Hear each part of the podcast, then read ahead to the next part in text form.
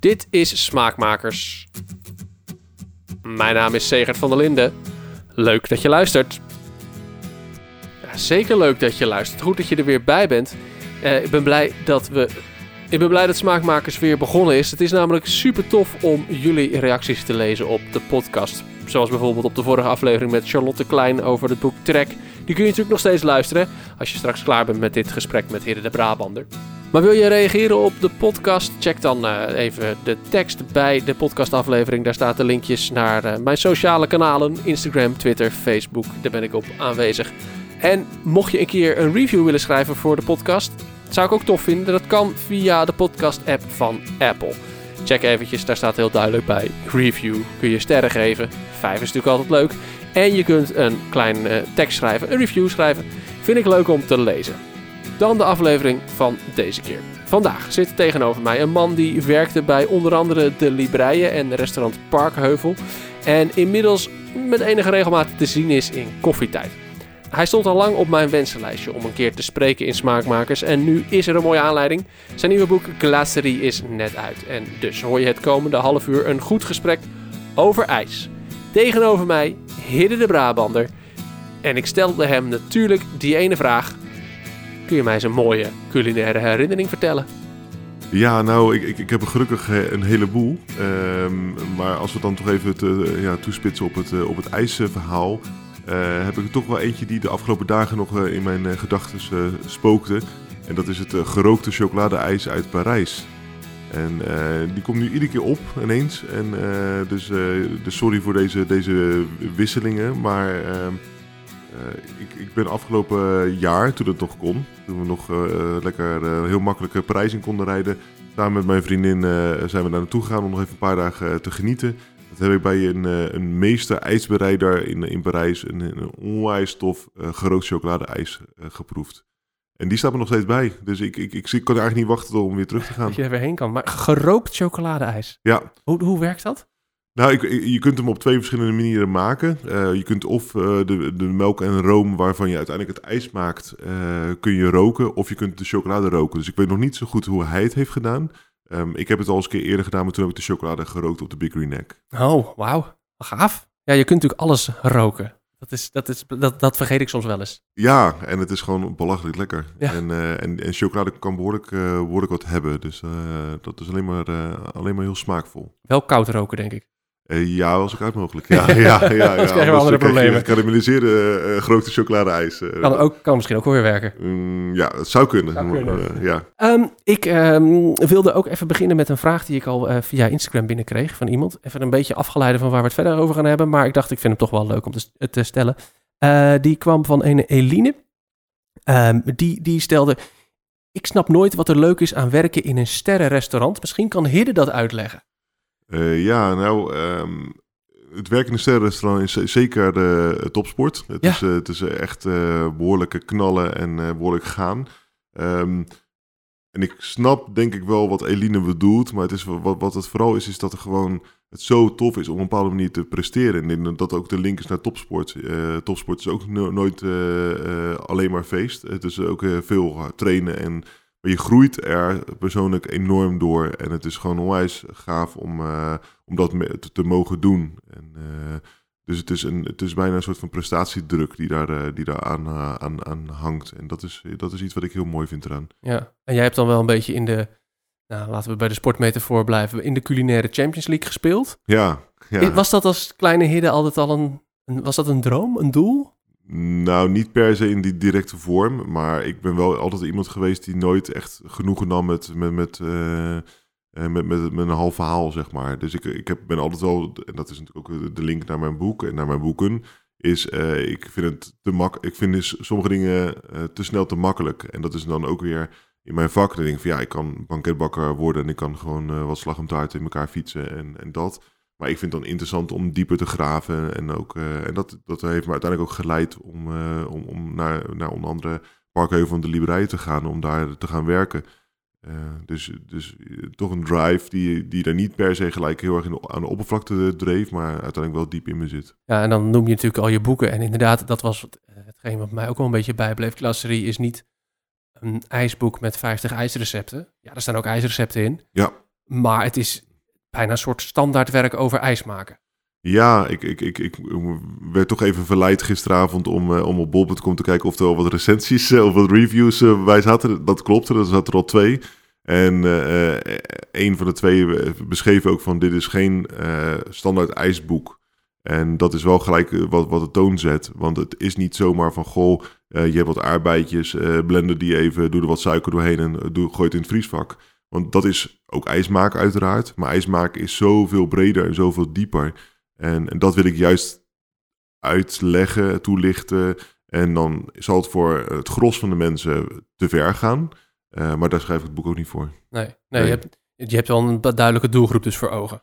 Ja, en die doelgroep, dat is natuurlijk wel het, het, het, uh, het risico wat ik dus loop. De doelgroep is niet groot. Het, of dan het zijn, ik weet dat van Glasserie geen honderdduizenden boeken verkocht gaan worden.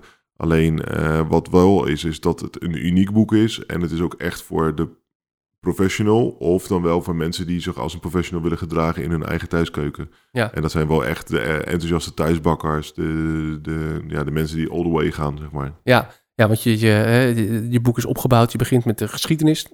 Wil ik het zo over hebben. Dan ga je rustig, bouw je op veel. Wat zijn nou de, de elementen waar ijs uit zou moeten bestaan? Ja. Die beschrijf je allemaal. En dan ga je in op nou, ook op wat receptuur ja. van verschillende dingen. Uh, en, en, dat is volgens mij wel meer dan de helft van het boek uiteindelijk. Dus... Ja, precies. Maar het is echt het begrijpen van ijs. En, en begrijpen van waar ijs vandaan komt, geschiedenis. Maar ook wat, wat ijs nou echt is. En natuurlijk is ijs, ja, plat gezegd, bevroren water.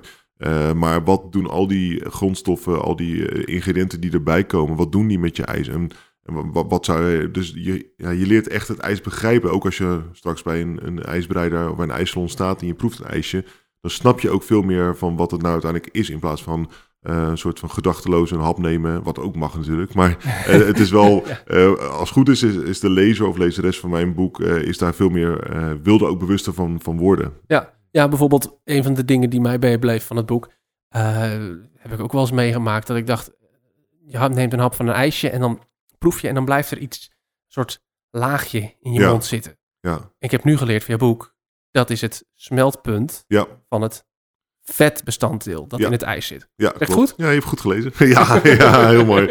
Ja, ja, ja, Dat, dat, dat, dat is een van de grootste oorzaken daarvan. Dus dat het, als het smeltpunt verkeerd ligt en daardoor en de temperatuur te laag, dan blijft er een vetfilm hangen in je, in je mond. En dat is niet aangenaam. Nee, want dan is het vet eigenlijk niet gesmolten, meegesmolten met de rest van het ijs. Nee, en dat gaat dan lekker om je smaakpapillen heen zitten. En, uh, en uh, ja, dat is, uh, dat is, ook dat is geen feest. Nee, nee, nee, nee, dat is geen feestje.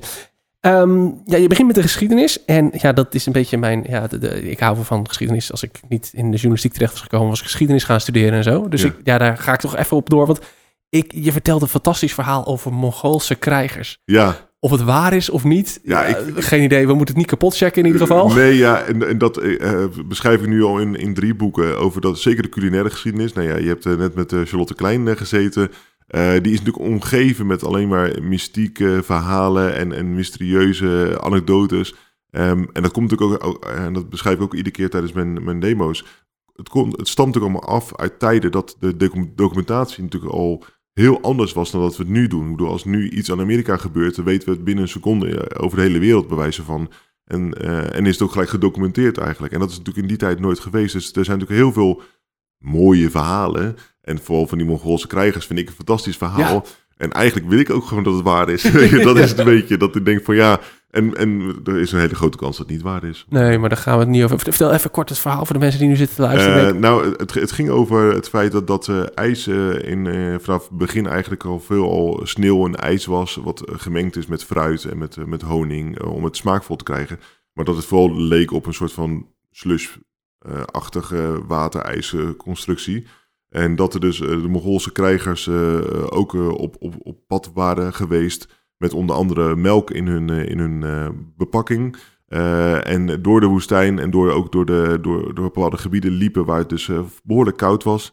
En door die beweging van die dieren, die melk die dus heen en weer klotste, de, de, ja, de ijskoude omgevingstemperatuur, dat daardoor een soort van gedraaid ijs uit zou komen. En eh, het, het is hard, eh, hard to believe, om het zo te zeggen. Het is moeilijk om te geloven. Eh, maar het is wel een heel mooi verhaal. En ik kan wel begrijpen dat mensen daardoor geïnspireerd zijn geraakt om bepaalde handelingen te gaan verrichten. Ja, ja maar je zegt dat het gedraaide ijs, dat is het ijs dat je nu kent van de ijssalon. Ja, precies. Hè, ja, dus, werkt, ja. dus dat er tijdens het bevriezen ook een, een beweging in het ijs zit. Ja, Ja. ja. Wat me ook opviel aan de geschiedenis, het duurt relatief lang voor mijn gevoel voordat zuivel een rol gaat spelen. Eigenlijk pas rond 1700 ongeveer. Ja, Terwijl voor mijn gevoel is dat toch, ja, denk je aan ijs, denk je aan roomijs. klopt. Ja, de, de, de Engelse uitdrukking is ook ice cream. Ja. Je noemt eigenlijk altijd ice cream, dus oftewel roomijs. Eh, eh, maar toch eh, zie je dat, dat in, in, in de totale breedte van, van de culinaire geschiedenis... dat, dat zuivel pas echt veel later een rol is gaan spelen. Denk bijvoorbeeld ook aan chocolade. Dat, nou, de chocolade, cacao, dat stamt ook al vrij lang af. Maar pas melkchocolade en witte chocolade ook pas eigenlijk aan het einde van de 19e eeuw eh ten tonele zijn gekomen. Dus dat hele zuivelaspect, wat wij nu echt zo onwijs normaal vinden, eh, wat ik ook heb beschreven in het hoofdstuk zuivel, wat eigenlijk heel abnormaal is. Want Ja. ik bedoel, eh, we drinken melk van een andere diersoort buiten onze zogelingenperiode. Dus het is eigenlijk bizar dat we het... We zijn de enigen die het doen. Ja. Ja. maar goed, het is wel verdomd lekker. Dus ik bedoel, we moeten het vooral blijven doen. Ehm, maar eh, dus dat is wel wel bijzonder, ja. Dat is, en het, eigenlijk is, is die slush bijna, die, die, die waterijstextuur... eh dat is pas eigenlijk, eh, is, is eigenlijk hetgene geweest dat ijs was tot aan ongeveer nou, ja, 16, 1700. Ja, Ja. ja, toen is het gekomen. Ehm, komen we uit bij die technieken. We gaan ze niet allemaal doornemen. Nee. Want het is superveel. Ja. En eh, als, je, als, je, als je er echt in wil duiken, ik zeg, ik ga kopen het boek. Ehm, maar gewoon een paar dingen die, die mij al lezend opvielen. Ehm, ehm, een paar termen die, me, die mij ook een beetje opvielen.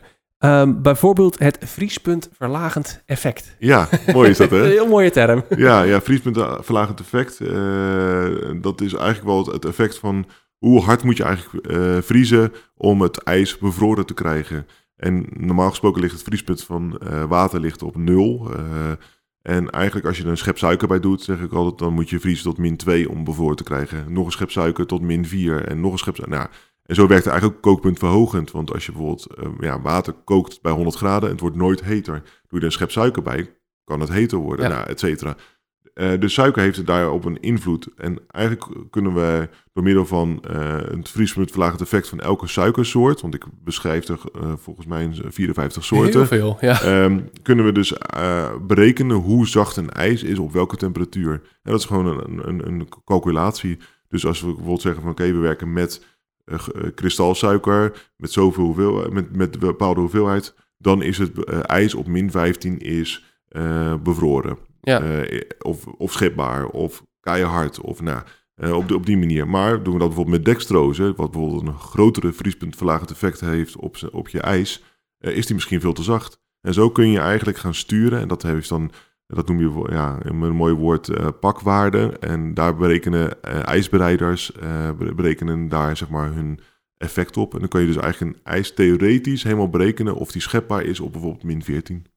Ja, En dat is ook, ook wel tof, omdat je dan met deze kennis, ook als je misschien niet van tevoren alles gaat uitrekenen en een heel lijstje gaat maken, kan het ook wel heel interessant zijn op het moment dat je dan een ijs hebt dat even niet werkt. nee, precies. Dat, daar is deze kennis ook heel nuttig voor. Ja, precies. En waarom werken sommige dingen wel en waarom werken sommige dingen niet? En, en daarom geloof ik dus niet in ijsboeken, eh, waarin zo wordt gezegd van ja, je neemt maar 800 gram aardbei en eh, 150 gram suiker en het is altijd goed. Want koop je die aardbei in, in, in, in maart bijvoorbeeld, of in, eh, in november eh, van eh welke land dan ook, of je koopt hem in, in augustus van, van, van het land van hier. Ja, Er zijn hele andere suikerwaardes van die aardbei. Dus dat zal ook een hele ander effect hebben op je ijsje. Dus krijg je ook een heel ander ijsje. Ja. Dus je kunt niet zomaar zeggen van... ah joh, gooi maar wat aardbei, wat suiker... en dan heb je een pri- prima ijsje. Nee, dat is... Dat, dat, ja, ik probeer daar, mensen daar ook wel... Ja, opvoeden klinkt zo belerend. Dat, zo wil ik het niet zien. nee, maar, maar ook wil je mee te nemen of zo. ja, wat wij, wijzer te maken. Dat eh, ja. Het is wel een kookboek waar, waar in de stijl waar ik wel van hou. Een kookboek dat wat, wat juist niet alleen maar recepten zijn. Maar Nee. waardoor je ook, nadat je een recept gemaakt hebt en denkt, hé, hey, het werkt. Dat Ja. je ook kan bedenken van, oh ja, maar dat komt doordat ik dit gedaan heb. Exact. werkt niet, want ik heb dat niet gedaan. Of Ja. wel? Zoiets, ja. Alleen dat is wel het, het, het nou ja, ik, ik noem het dan voor de grap maar het nadeel, maar ik vind het juist geen nadeel. Is je moet wel gaan lezen. Ja, En, ja. eh, maar wel, eh, het is eh, leesbare diepgang. Dus ik wil wel van, oké, het is zeker lezen. Maar bijvoorbeeld ook met Chocolaterie, mijn chocoladeboek, heb ik dan eh, negen pagina's geschreven over de geschiedenis van chocolade. Ja, ik heb boeken geschreven van 500 pagina's over de geschiedenis van chocolade. Maar er is, geen, geen, ja, er is niemand die, die dat allemaal wil, zeg maar. En uh, ja, of de Klein, uh, Ja, ja, of ja, Lisette ja. Cruijff. maar het, het is meer dat het juist zo... het moet leesbaar zijn. Een, een wijze van een chef of een enthousiaste thuiskok of bakker moet dat willen lezen. En nou, dan vind jij in mijn boek in negen pagina's gewoon een, een soort van rode draad en de, de highlights eruit, zeg maar. En dat is, dat is wat ik... Dus ik filter het ook een beetje. Ja, ja. Heel belangrijk in het ijs maken, en daar was ik dus heel verbaasd over dat je die term noemde, was water. Ja. Dat ik, ik dacht eerst, nou, hoe kan het nou als ik roomijs maak, zit er toch, doe ik er toch geen water in? Nee. Ja, de grap is dat eigenlijk het enige wat bevriest in je ijsje is water. En voor al die andere stoffen hebben invloed erop. Dus eh, vet, eh, suikers, eiwitten, eh, nou, wat, wat je er ook allemaal instopt. Alles heeft invloed op, op, op je ijsje. Maar heeft eigenlijk invloed op het bevriezen van je ijs. Ja. En het enige wat bevriest in je ijs is water. Ja. Maar goed, als je bedenkt dat je bijvoorbeeld... Nou, ga maar kijken naar bijvoorbeeld melk. Ja, melk zit gewoon meer dan 80% water in. En en zo, dat bevriest. En al die andere dingen die in melk zitten, zoals eh, proteïnes, eh, lactose, eh, dat soort dingen, ehm, die zorgen voor bijvoorbeeld luchtigheid, of die zorgen voor een zoetkracht, of die zorgen voor, voor een vettigheid. Ja. Maar alleen water bevriest. water bevriest. Ja. ja. Ja, En, en dat noem je dan ook in je boek vrijwater. vrij water. Dat is het water Ja. dat hard mag worden. Ja, precies. Ja, Juist. ja en, dat, en je hebt dus ook gebonden water. En die heeft zich bijvoorbeeld gebonden aan suikers. Of die heeft, die heeft zich verbonden aan, aan eiwitten. En bijvoorbeeld, ja, denk maar bijvoorbeeld aan water. Gewoon water. En haal er maar een garde doorheen. En dan zie je wat luchtbelletjes. En dan eh, stop je met kloppen. En dan zie je die luchtbellen zo verdwijnen. Maar doe maar bijvoorbeeld eh, wat, eh, wat eiwit in je, in je water. En ga daar maar kloppen. Dan zie je ineens dat er wat lucht wordt opgenomen. En ook wordt vastgehouden. En op een gegeven moment zie je dat verdwijnen. Maar ja, doe je bijvoorbeeld slagroom, klop je, dan zie je eh, lucht ontstaan. Zie je lucht vastgehouden worden, maar ook dat blijft ook hangen hangen. En dat komt bijvoorbeeld door de vetten. Ja. Dus je hebt die melkvetten nodig en die melkeiwit heb je nodig om uiteindelijk dat vrije water uiteindelijk zeg maar luchtig te kloppen en luchtig te houden. En luchtig te houden, zodat Ja. jij het goed kan scheppen en dat het lekker, lekker is in je mond. Precies, ja. ja. Ehm, ik, ik pak even weer die Instagram erbij. Dan kwam weer een vraag binnen ook eh, over... Ja, dat, ik denk dat het ook ergens met water te maken heeft. Ehm, ik heb alleen een, een, een Instagram-handle, Mrs. Heinebach. Kijk, hoop dat ik het goed zeg. wie kent het niet? Eh, daarom, maar is dat wel een goede vraag. Ehm, mm, de grootste uitdaging is chocoladesorbet. Eh, ze schrijft, ik eet namelijk het zelf het liefst chocoladeijs, maar ben intolerant voor koemelk. Kijk, Chocoladesorbet vind je zelden. Hoe, waarom is dat zo moeilijk, chocoladesorbet? nou is niet zo moeilijk. Nee, alleen het, is, eh, het ligt misschien nog niet helemaal in de lijn van, van veel ijsbereiders om het, om het te maken. Maar eh, eh, nou ja, er staat ook een recept in het boek en het is eigenlijk helemaal niet zo super moeilijk. Alleen wat, wat is chocolade? Eh, chocolade is eh, veel droge stof, eh, suikers en vet. En die hebben allemaal behoorlijk wat invloed zeg maar, op, eh, op, je, op, je, op je ijs. Het vet wat erin zit is cacaovet. En dat is een hard vet. Dus die, die, die wordt echt ook. eh, die is al hard op kamertemperatuur. Maar die is nog veel, vele malen harder, zeg maar, op het moment dat het eh, min 15 is. Dus je moet zorgen dat, dat er genoeg suiker in zit. Dat, het- dat het lekker soepel blijft. Want anders krijg je dus een ijsje. Ja, daar kun je de ramen mee ingooien. en eh, dat, dat wil je niet. Dus je moet echt de juiste balans vinden, zeg maar, om dat eh, goed te krijgen. Maar uiteindelijk is het. Als ik een receptje maak, is het bijna niks anders dan water, suiker eh, en chocolade. En dan eh, en draai je maar. Ja. Ik dacht dat het misschien te maken had met dat water en chocola niet zo, goed van, niet zo goed gaan met elkaar. Nee, alleen eh, met koud water. Dat is En, alleen eh, koud water. Ja, je hebt, eh, je hebt bepaalde eigenlijk bindende factoren in, in, in, in chocolade. En als je dus chocolade smelt en je doet er bijvoorbeeld een druppel koud water bij, dan gaat het binden. Dat, het heeft een zetmeelverbinding eigenlijk. Maar als je het water kookt, dan kan het wel mooi, mooi oplossen. Dan breek je het eigenlijk weer af en dan krijg je dus een mooi soepel, soepel ijsje. Ja, Ja. dus het kan gewoon. Het kan gewoon zeker. Eh, en wat ook heel lekker is, en dat is dan een iets andere smaak, is dus niet chocolade gebruiken, maar cacao. Dus krijg je een cacao sorbet. En dan heb je nog steeds die mooie intense smaak. Natuurlijk anders dan chocolade, maar nog steeds wel die eh, chocolate flavor. zeg Ja, maar. ja, lekkere stevige smaak. Dus het kan gewoon. Zeker. Het kan gewoon. Ehm, dan komen er toch heel veel informatie, maar toch ook nog eh, best wel veel recepten ook. Ja. En er stond ook eh, ja, er best wel dingen die ik kende, maar eentje, die, die naam had ik nog nooit gehoord. Dus volgens mij ook, het is ook geen ijsrecept, maar ga proberen om het uit te spreken. Ja. Vari, Varigati? Vari, vari, Ja, variegati. Varigati. Of varigato. Eh varigato is, is dus enkelvoud. enkelvoud? En Ja. variegati is meervoud. Ehm, en dat is eigenlijk een, eh, een soort van combinatie tussen saus en garnituur. Wat, eh, wat ijsbereiders dus eh, tijdens het uitdraaien... Dus je, je moet bedenken, je, hebt, je stopt een mengsel in je ijsmachine... eh, dat gaat vriezen en draaien. En dan draai je het op een gegeven moment eruit. Ja. En dan tijdens het uitdraaien scheppen ze iedere keer... of spuiten ze soms of labelen ze die varigato. En dat is een soort van ja, saus met stukjes eh, fruit erin... of stukjes koek of dat soort zaken.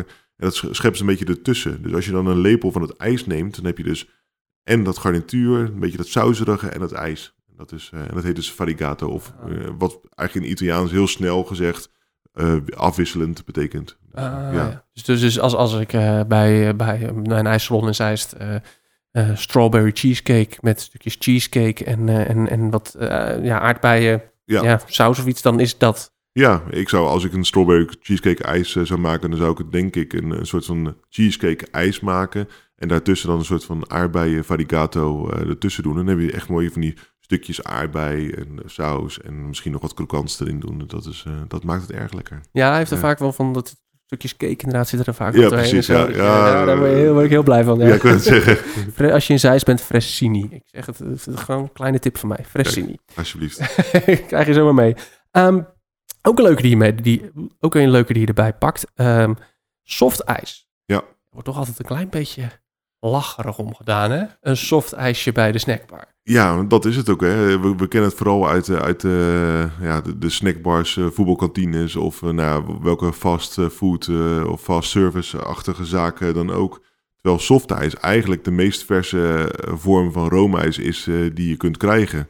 Waarbij roomijs, zoals je het bijvoorbeeld in Zeist kan krijgen, wordt het gedraaid, 's ochtends, eh, en dan wordt het in de vitrine gezet. En dan eet jij het bij wijze van eh, acht uur later, ik noem maar even Ja. iets. Terwijl als jij een softijsje bestelt, is het in principe dezelfde, eh, hetzelfde recept als een, als een normaal roomijsje. Alleen wordt die pas gedraaid op het moment dat, dat jij hem bestelt. Dus op het moment dat die, dat hengsel open gaat, dan wordt het zeg maar bevroren en gedraaid. Het verschil is dat softijs luchtiger is. Dus er zit wat meer lucht in gepompt.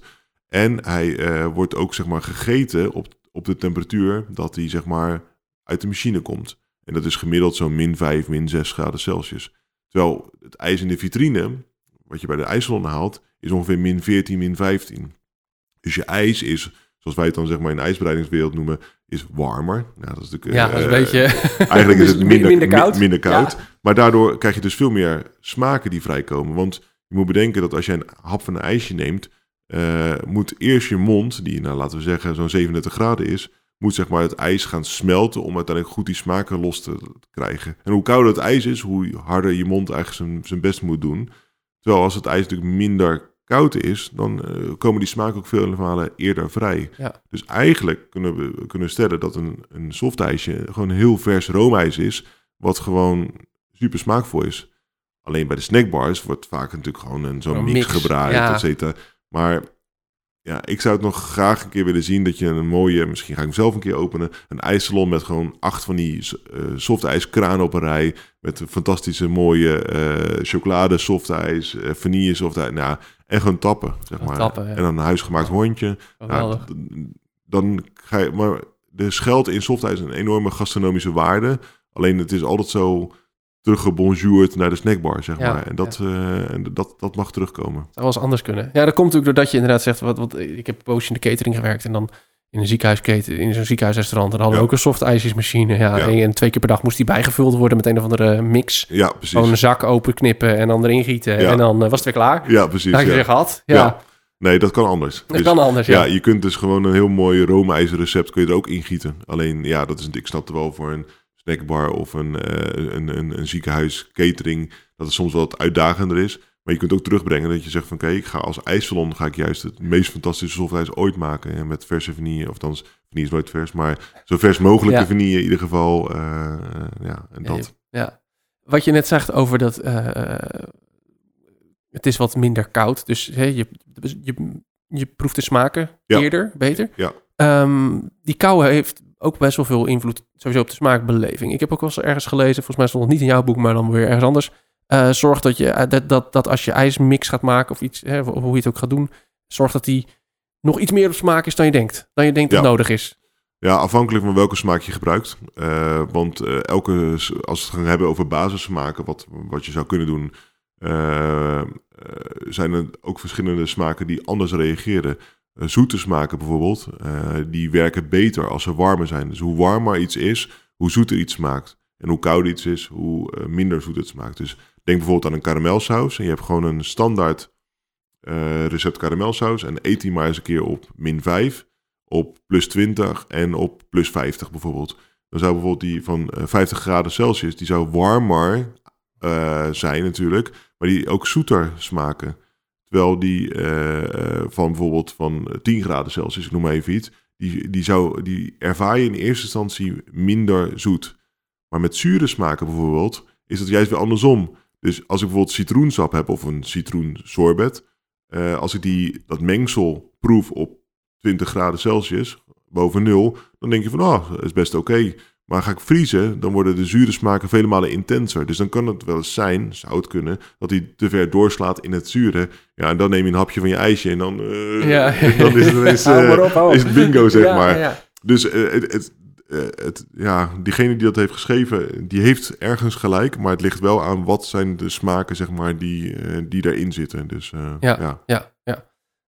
Dan noem je nog iets in het boek. Ja, ik ga er een beetje hapsnap doorheen. Maar het is zoveel leuks dat ik, ik... Ik heb gewoon lekker eruit gevist wat ik leuk Heel- en interessant vond en wat me opviel. Ehm, bijvoorbeeld, eh, je benoemt ergens ook het gevaar van kruisbesmetting. Ja. Nou is dat natuurlijk in, eh, in de keuken altijd opletten, kruisbesmetting en zo. Alleen, je noemde daar als voorbeeld. En toen dacht ik, yoghurtbacteriën moet je niet in je frambozen ijsje krijgen. Nee. Hoe zit dat? Nee, ja, kijk, eh, aan, om yoghurt te krijgen wordt er natuurlijk aan, aan melk worden, er eh, bacteriën gevoegd. Eh, die, die bacteriën die voeden zich met melksuikers en die scheiden dan uiteindelijk eh, zo'n dat lekkere zurige smaakje uit. En daardoor komt ook die verdikking zeg maar, van, van je yoghurt vandaan. En afhankelijk van welke bacterie je gebruikt, krijg je een andere smaak, een andere structuur of textuur eigenlijk. Dat, dat is helemaal goed. Alleen, als we gaan kijken naar de professionele ijsbereider, waar ik dit boek natuurlijk ook voor heb geschreven, ehm, mag dat prima in je yoghurtijsje zitten. Maar als de NVWA dat tegenkomt in je frambozenijsje, terwijl in het frambozenijsje geen yoghurt zit, dan eh, wordt, er, eh, wordt er een bonnenboekje eh, Ja, ja, ja, gepakt, ja, zeg maar. Dat is zeg maar puur voor het, ja, de, de regelgevingen, zeg maar. Maar die melkzuurbacteriën, zeg maar, voor die, die bacteriën, die werken ook door in je ijs. En dus stel dat je het niet erin wil hebben, dan heb je ook kans dat bijvoorbeeld die bacteriën misschien wel een negatief effect gaan krijgen op je, op je, eh, op je recept. Dit is natuurlijk allemaal wel weer een beetje eh, nou, op de details Ja, ingaan. ja, ja, ja. Maar eh, het, het is er, dus ik wil het wel beschrijven. Ja, ja, Ja, ja, Ja. het hoort er wel bij. ja, zeker. Ja, Ja, ja. Opletten. Ja. precies. Ja, en ik weet zeker als je het thuis maakt, en, eh, dan is het allemaal natuurlijk vele malen minder streng dan dat je het als professional doet. Maar ja, ik schrijf het boek voor beide. Ja. En ik, ehm, ja, dan moeten we een beetje Dan moet het er wel in. Ja, ja. Ja. Ja, Maar als ik thuis per ongeluk een drup yoghurt in mijn frambozenijs heb, dan hoef ik Dan niet per se die hele batch weg te gooien. Nee hoor, nee hoor, zeker niet. Dan zou ik het lekker op gaan eten. Dat, eh, ja. Heel goed, heel goed. Als je nou eh, de, de, de hobbyist, de enthousiaste hobbyist, als je nou zegt van nou, ik wil haar een goede tip geven. Wat zou, je nou, wat zou nou de tip zijn die je meegeeft? Nou, vooral eh, gewoon lekker in eerste instantie gewoon kijken van waar wil je als eerste aan beginnen.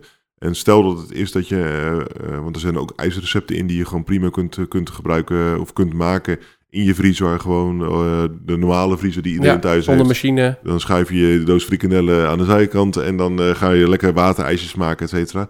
Maar mocht je nou wel echt gedraaid ijs gaan maken, dus een roomijsje, een sorbetijs, et cetera. Ik weet dat er ook boeken zijn die beschrijven van ja, je kunt ook sorbetijs maken door je mengsel in de vriezer te zetten en dan regelmatig met een vork om te roeren. Eh, nee. Gewoon, eh, dat is eh, niet, nee, dat is het gewoon niet. En Al is het alleen al omdat je op een gegeven moment vergeet je timer weer aan te zetten. Dat je dan na drie kwartier denkt, oh ja, dat ijs. Ja, en dan heb je een soort van granité en Ja. eh, dat moet je allemaal niet willen. Dus eigenlijk is het wel van, oké, als je het gaat doen, ja, investeer dan, wel- is misschien wel het juiste woord, maar investeer wel in een deugdelijke machine. En die zijn er van alle prijsklassen. Eh, die zijn er niet van, eh, van 40 euro. Nee, dat is helaas niet waar. Maar je kunt ook wel voor, uh, nou, laten we zeggen, 200, 300 euro kun je wel een, een goede ijsmachine, zelfvriezende ijsmachine kun je kopen. En dat is echt wel een aanwinst. En ook een aanwinst het hele jaar door. Dat is niet alleen maar in de zomer dat je denkt van ik ga nu een ijsje draaien. Maar denk maar bijvoorbeeld eens een keer aan een heel mooi uh, kaneelijs wat je in de winter gaat draaien uh, bij je diner of bij, bij de kerst of ja. tussendoor of ontbijt of wat je wil. Maar, ja, ja nee, ik herken het. Ik heb er zo'n zo'n bak die je dan in de vriezer moet doen. Ja. Die je dan op de, op de keukenmachine kan zetten. Ja. Wat op zich heel handig is. Zeker. Als je ja. eergisteren bedacht had dat je ijs wilde maken en dat die bak inderdaad in de vriezer staat. Ja, ja. En als de vriezer een keer lekker vol ligt. Ja, dan heb je een probleem. Dan heb je een probleem. ja, ja. Nee, en, um, die bakken die werken zeker zeer goed. Uh, dat, dat, is ook uh, echt uh, geen probleem. Um, maar zo'n zelfvriezen is natuurlijk wel het meest fijne. Maar die zijn natuurlijk wel iets duurder, want er moet ook wel echt een koelmotor in en et cetera. Maar het is wel, het is wel zo dat, um, dat het wel een investering is die, die echt, uh, daar ga je heel blij van zijn. Ja, Uh, ja. ja. dus dat is wel iets van, van oké, okay, dat je denkt van, nou, dat, dat moet dan ook maar gewoon, uh, moet gewoon, Als je echt lekker bezig bent en als je toch dit boek hebt gelezen, dan gewoon doen. gewoon een keer doen. Ja, Ja. precies. Ja, nee, dat, niet, niet, niks voor schamen, gewoon aanschaffen en, uh, en gaan. En dan gaan genieten en Ja. zorgen dat je hem lekker het hele jaar door gebruikt. Precies. Dit is Smaakmakers. Mijn naam is Segert van der Linden. En in deze aflevering was mijn gast Hidde de Brabander om te praten over zijn nieuwe boek Glacerie, dat nu in de winkel ligt. En als je na het horen van deze aflevering denkt, oeh, klinkt wel heel technisch, is het niet te moeilijk? Bedenk, meer dan de helft van het boek is gevuld met toffe recepten, die je gewoon direct kunt uitvoeren zonder al te veel extra kennis op te doen in dat eerste deel. Dus het is zeker een boek voor hobbykoks, maar ook absoluut als je al een poosje ijs maakt en denkt, ik wil een klein stapje verder gaan, dan is dit boek een aanrader. Over twee weken dan is Smaakmakers er weer. In de tussentijd geef ik het boek van Hidde een keertje weg. Ehm, dat ga ik doen via Instagram, zegertvdlinde. Dus volg mij daar. Daar ga ik komend weekend, dus dat is het uh, tweede weekend van maart 2021, het boek weggeven. Over twee weken dus weer een nieuwe aflevering. Hopelijk ben je er dan weer bij. Ik zou zeggen, tot dan.